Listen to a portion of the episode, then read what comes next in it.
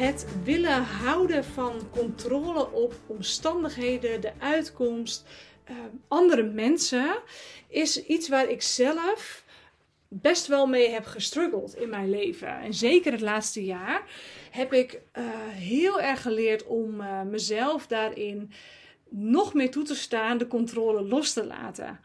En daarmee bedoel ik dat mijn uh, brein, mijn hoofd, heel graag overal alles in de puntjes geregeld wil hebben. En uh, het liefst ook dat iedereen dan zich gedraagt binnen die kaders die ik dan schep. Maar dat dat voor mij niet per se vrijheid betekende. Dus ik dacht wel, ik heb mijn hele lijstje afgevinkt en iedereen doet wat ik wil. Even heel erg kort door de bocht gezegd. Maar puntje bij paaltje voelde ik me heel erg belast met heel veel verantwoordelijkheid. En ging ik me op een gegeven moment afvragen: wordt iedereen hier wel zo gelukkig van? Word ik hier wel zo gelukkig van? En staat dit mijn uh, relaties, uh, onder andere, maar ook mijn bedrijf en de manier waarop ik geniet van mijn leven, staat dat het juist niet heel erg in de weg? Nou, het antwoord daarop was een heel duidelijke ja. Nou, deze aflevering wil ik gebruiken om mijn persoonlijke proces daarin te delen op het loslaten van controle. Dus waar liep ik tegenaan? Waar um, ja, wat was eigenlijk voor mij de reden dat ik die controle ging loslaten? Maar ook wat merkte ik er dan van um, als ik dat dus beetje bij beetje ging doen? Nou, begrijp me niet verkeerd. Ik noem mezelf niet per se een controlfreak. Andere mensen doen dat overigens soms wel, vooral mijn man. Maar ik heb echt al heel veel jaren geleden geleerd dat ik niet alles uit in de hand heb. Ik ben voordat ik uh, ondernemer werd regiomanager geweest bij een uitzendbureau. Ik ben personeelsmanager geweest in een uh, kas waar paprika's geteeld werden. En ik heb echt wel geleerd dat uh, er zijn nou eenmaal omstandigheden zijn waar je geen controle op hebt. En dan moet je ook gewoon meegaan met de flow en maar zien wat er gebeurt en kunnen kijken waar je sturing kunt geven. Tegelijkertijd heb ik ook heel erg geleerd als ondernemer dat het heel belangrijk is dat je iedereen zijn eigen ervaring laat hebben. Dus ik kan mijn klanten bijvoorbeeld wel onder controle willen houden, maar daar help ik ze niet mee. ik kan ze wel sturen van je zou dit of dat moeten doen. En ga dat het liefst gewoon nu doen, dan ben je er zo snel mogelijk vanaf. Maar daar help ik ze niet mee. Ik help ze ermee als ze voelen dat zij zelf de verantwoordelijkheid hebben voor zichzelf. En dat een proces gaat op het tempo die mijn klant aan kan. Ja, vooral in het begintijd van mijn ondernemerschap vond ik dit heel lastig. Want ik ben niet een heel geduldig persoon. En ik vond dat mensen te snel of te langzaam gingen. Terwijl ik zag dat als ze nou gewoon even doorpakten, het allemaal een stuk sneller kon gaan.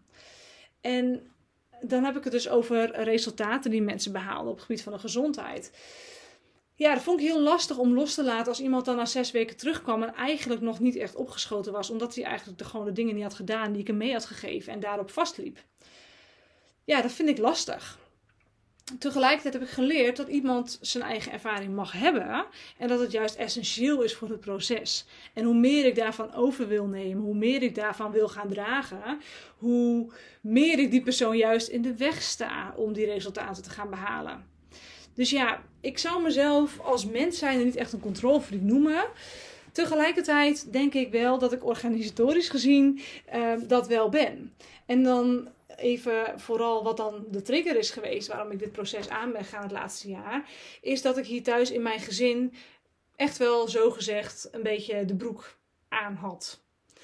En ja, dat klinkt een beetje kwetsbaar, het klinkt zelfs een beetje negatief, maar ik vond het altijd heel positief. Inmiddels um, is dat niet meer zo. Want ik, ik merkte dat ik ondersneeuwde. En als we het dan hebben over hoe ziet dat er dan in de praktijk uit. Ik maakte niet alle beslissingen alleen, maar ik regelde het grootste deel wel alleen. Dus um, nou, we maakten de beslissing voordat onze kinderen naar particuliere school gingen. Uh, uiteraard samen. Sterker nog, mijn man maakte die beslissing eerder dan ik. Maar vervolgens lag het regelen daarvan, de financiën, de uh, de poespas eromheen, het uitschrijven, het opnieuw inschrijven. Al die dingen, dat lag dan bij mij. Want dat trok ik allemaal naar me toe. Ja, en natuurlijk had mijn man zoiets van, nou prima, regel het maar, pak het maar op. En die werkte ook 80 uur per week. Die vond het ook eigenlijk wel heel logisch dat ik dat allemaal deed. Uh, onze financiën thuis regelde ik allemaal van A tot Z. Ik had er allemaal helemaal systemen voor uitgedokterd die fantastisch ook allemaal werkten. Ik, had daar, ik deed de investeringen in crypto, in aandelen, had ik allemaal uitgezocht, mezelf helemaal in, verdiept. Eh, dat had ik allemaal naar me toe getrokken. Ik zorgde ervoor dat we goede oppas hadden. Dat al die oppas ook gewoon ehm, echt matchten bij ons gezin. Ik heb hoge standaarden. En nou, lange zoektocht geweest. Nou, al die organisatie erbij. Ik trok het met liefde allemaal naar me toe. De tuin, het huishouden. Ehm, ik ben dan wel iemand die uitbesteedt. Dus nou, wat ik al zei, we hebben een oppas. We hebben een nanny hier drie dagen per week in huis. Maar ik besteed mijn strijkgoed uit. Ik besteed mijn ramenlappen uit. Ik besteed de huishoudster uit. Uh, maar goed, ik was wel een beetje de manager van dat hele verhaal. En ik merkte op een gegeven moment dat ik me soms ook de manager voelde van mijn man. En dat was het moment dat dat een beetje ging wringen. Dat ik merkte dat ik zeg maar een zo'n strakke organisatie had gedaan, zeg maar in huis. Dat allemaal zo klopte, dat ik ook ehm, ja, mijn kinderen, mijn man in diezelfde organisatie perfect wilde inpassen. En dat betekende dus dat als ik bepaalde dat wij 10 minuten hadden om de deur uit te gaan, dat dat ook was hoe het ging. Ja, en dat, dat werkte prima, want het was heel efficiënt en zo. Maar in dat verhaal verlies je soms wel eens de behoeftes van de andere mensen die hier ook in huis wonen. En nogmaals, ik, ik, het voelt best wel oncomfortabel om, dat, om dit nu te delen. Omdat het soms een beetje klinkt, en zo voelt het dan voor mij, dat dat, uh, uh, ja, alsof ik een hele, ja, alsof ik dus wel een controlfreak ben. Misschien dat ik daarom dat woord ook wel gebruik. Ik denk namelijk dat ik het wel was, al zie ik mezelf dus niet zo. Maar omdat ik dus zoveel had om te managen, te regelen had ik ook geen keus. Moest ik het ook wel een soort van allemaal onder controle houden. Want als er ergens iets niet goed liep, dan, dan stortte het allemaal als een kaartenhuis natuurlijk in elkaar. En had ik mezelf inmiddels wel zo ingesteld dat ik daar wel mee kon dealen en dat dan kon loslaten en dan gewoon dingen opschoof.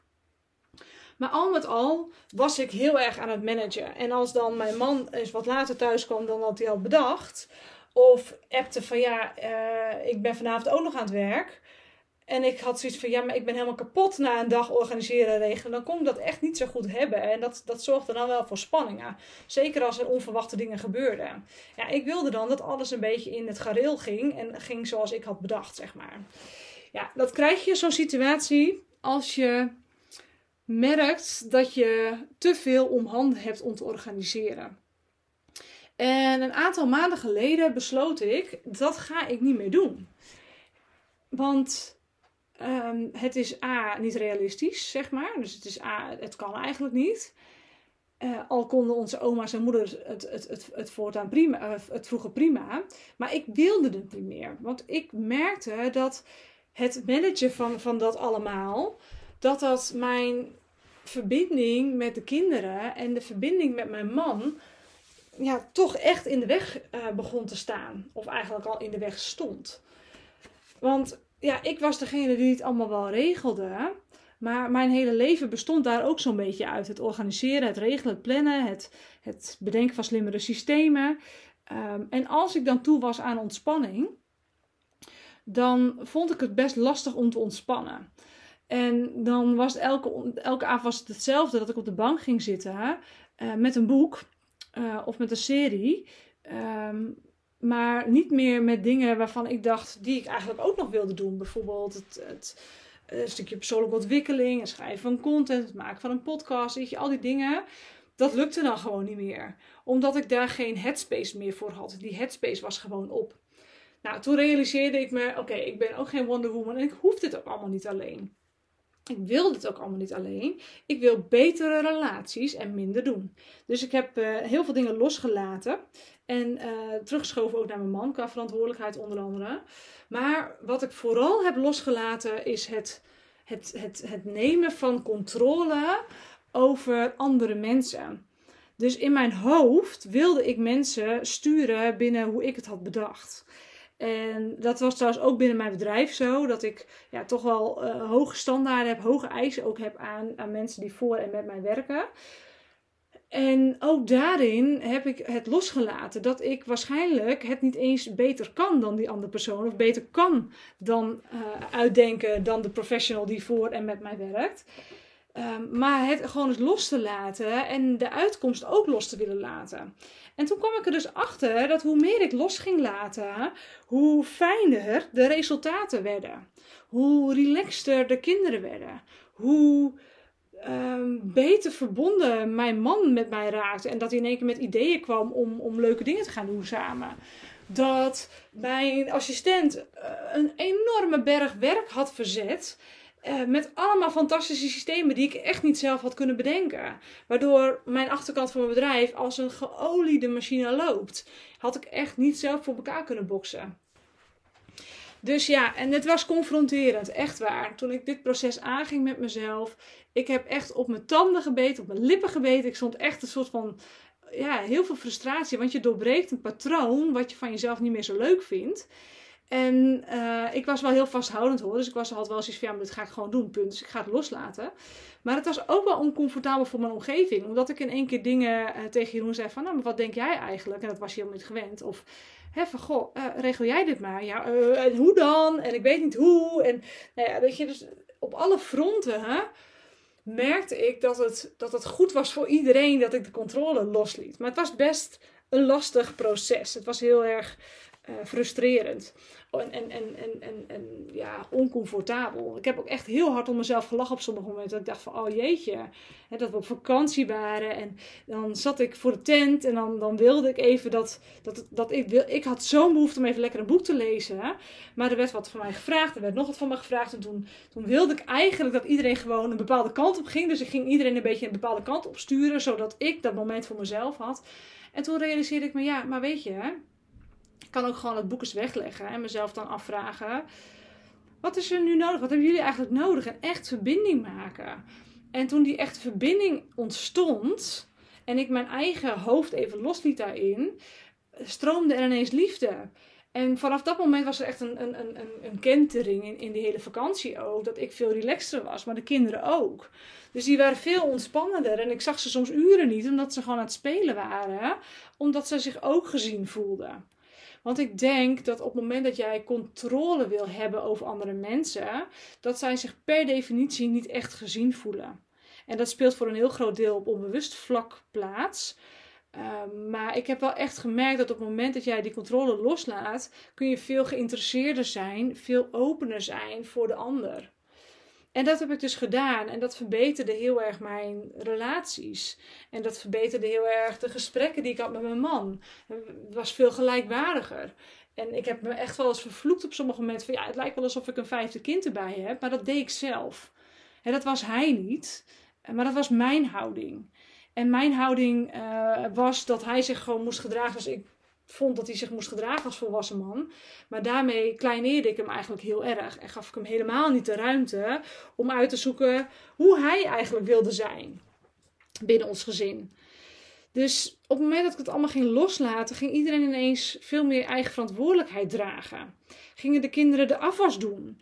Um, liep de oudste achter de jongste aan om die eventjes terug te halen nadat hij weg was gelopen. Uit zichzelf. Niet omdat ik het wilde, maar omdat ze zelf die verantwoordelijkheid ook wilde pakken. En dat was heel fijn. En dus ook binnen mijn bedrijf, ik kwam dus ook terug van vakantie. En Simone die was nog even uh, doorgegaan in mijn vakantie. En die was ook heel blij dat, ik, dat ze twee weken had zonder mij, zeg maar. Dan, dat ik natuurlijk dan weer kom met allemaal leuke dingen die ik bedenk. Dat deed ik dus niet. Waardoor zij echt, uh, het was echt zo mooi om te zien wat een berg werk zat verzet.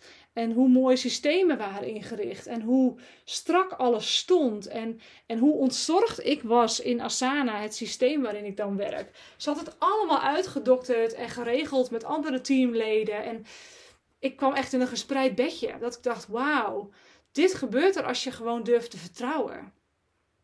Want durf vertrouwen is echt de tegenhanger van uh, controle. Durf vertrouwen is uh, een groot cadeau wat je iemand kan geven, een mens kan geven. Maar ook wat je jezelf kan geven. als jij durft te vertrouwen op je lichaam, als jij durft te vertrouwen op dat het precies zo gaat lopen zoals het moet lopen.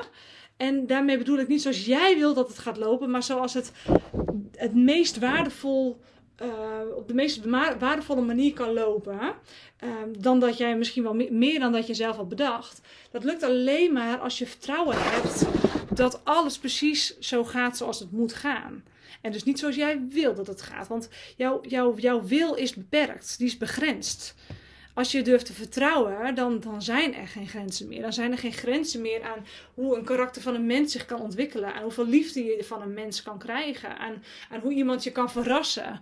Aan, aan hoe omstandigheden, aan situaties en uitkomst, hoe, hoe groot die kunnen zijn, hoe mooi die kunnen zijn. Ja, vaak kun je daar geen voorstelling van maken en geen, geen wil aan vastplakken.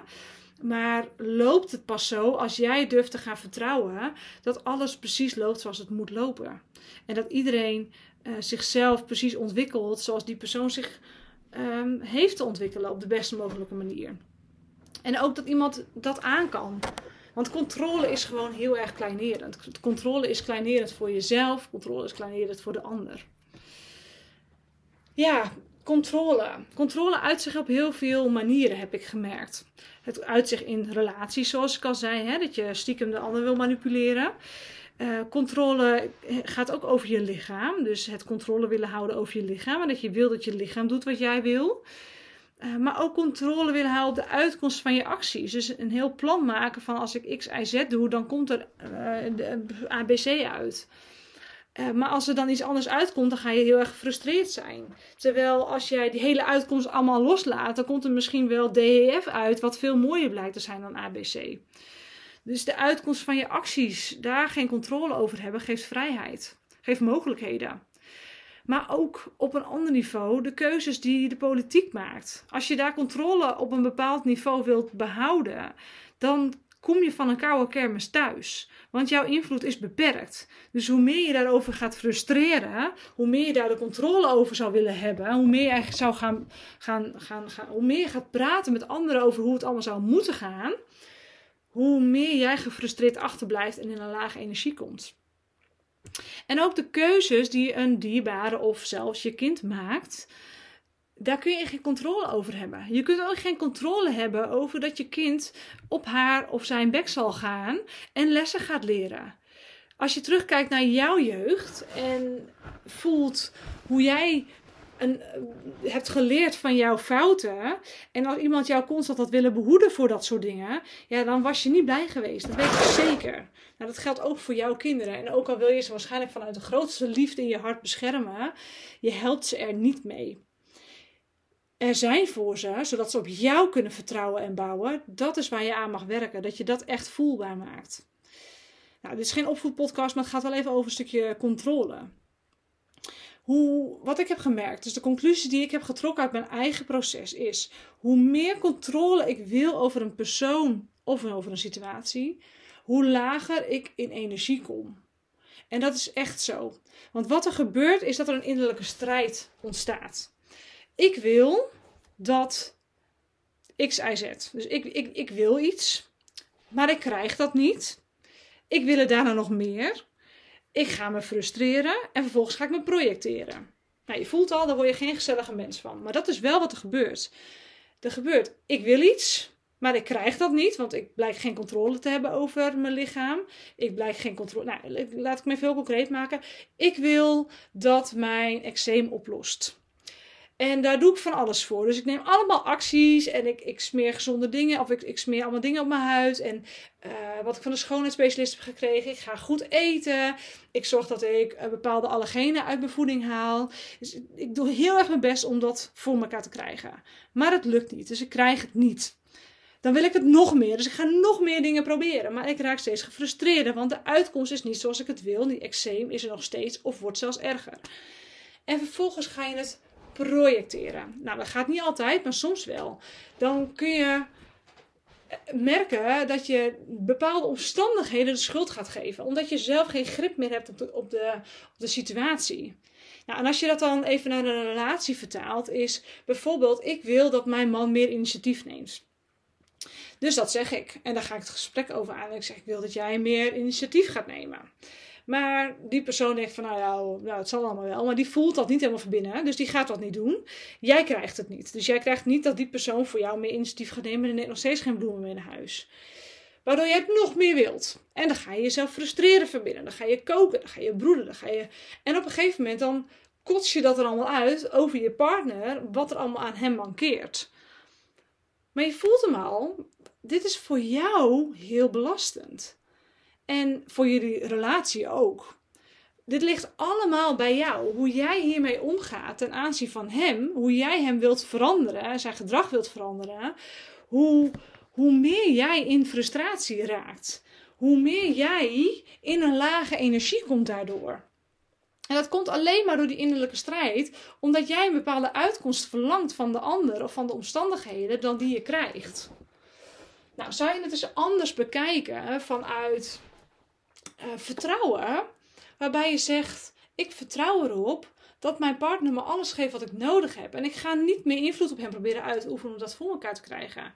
Ik ga hooguit mijn behoefte aangeven. En je behoefte is dan niet: ik heb behoefte aan een bos bloemen. Nee, je behoefte is aan: ik heb behoefte om mij geliefd te voelen. Of ik heb behoefte aan om vaker uh, een avondje weg te gaan samen. En alleen maar dat. En dan laat je los hoe dat vervolgens naar je toe komt. Dan zul je zien dat jouw partner wel degelijk heel erg de behoefte voelt om voor jou te zorgen en al die dingen voor je te regelen. Maar omdat jij controle over de uitkomst, hoe die dat allemaal moet gaan doen, en waarschijnlijk ook nog vertelt waar hij dan die bloemen zou moeten kopen.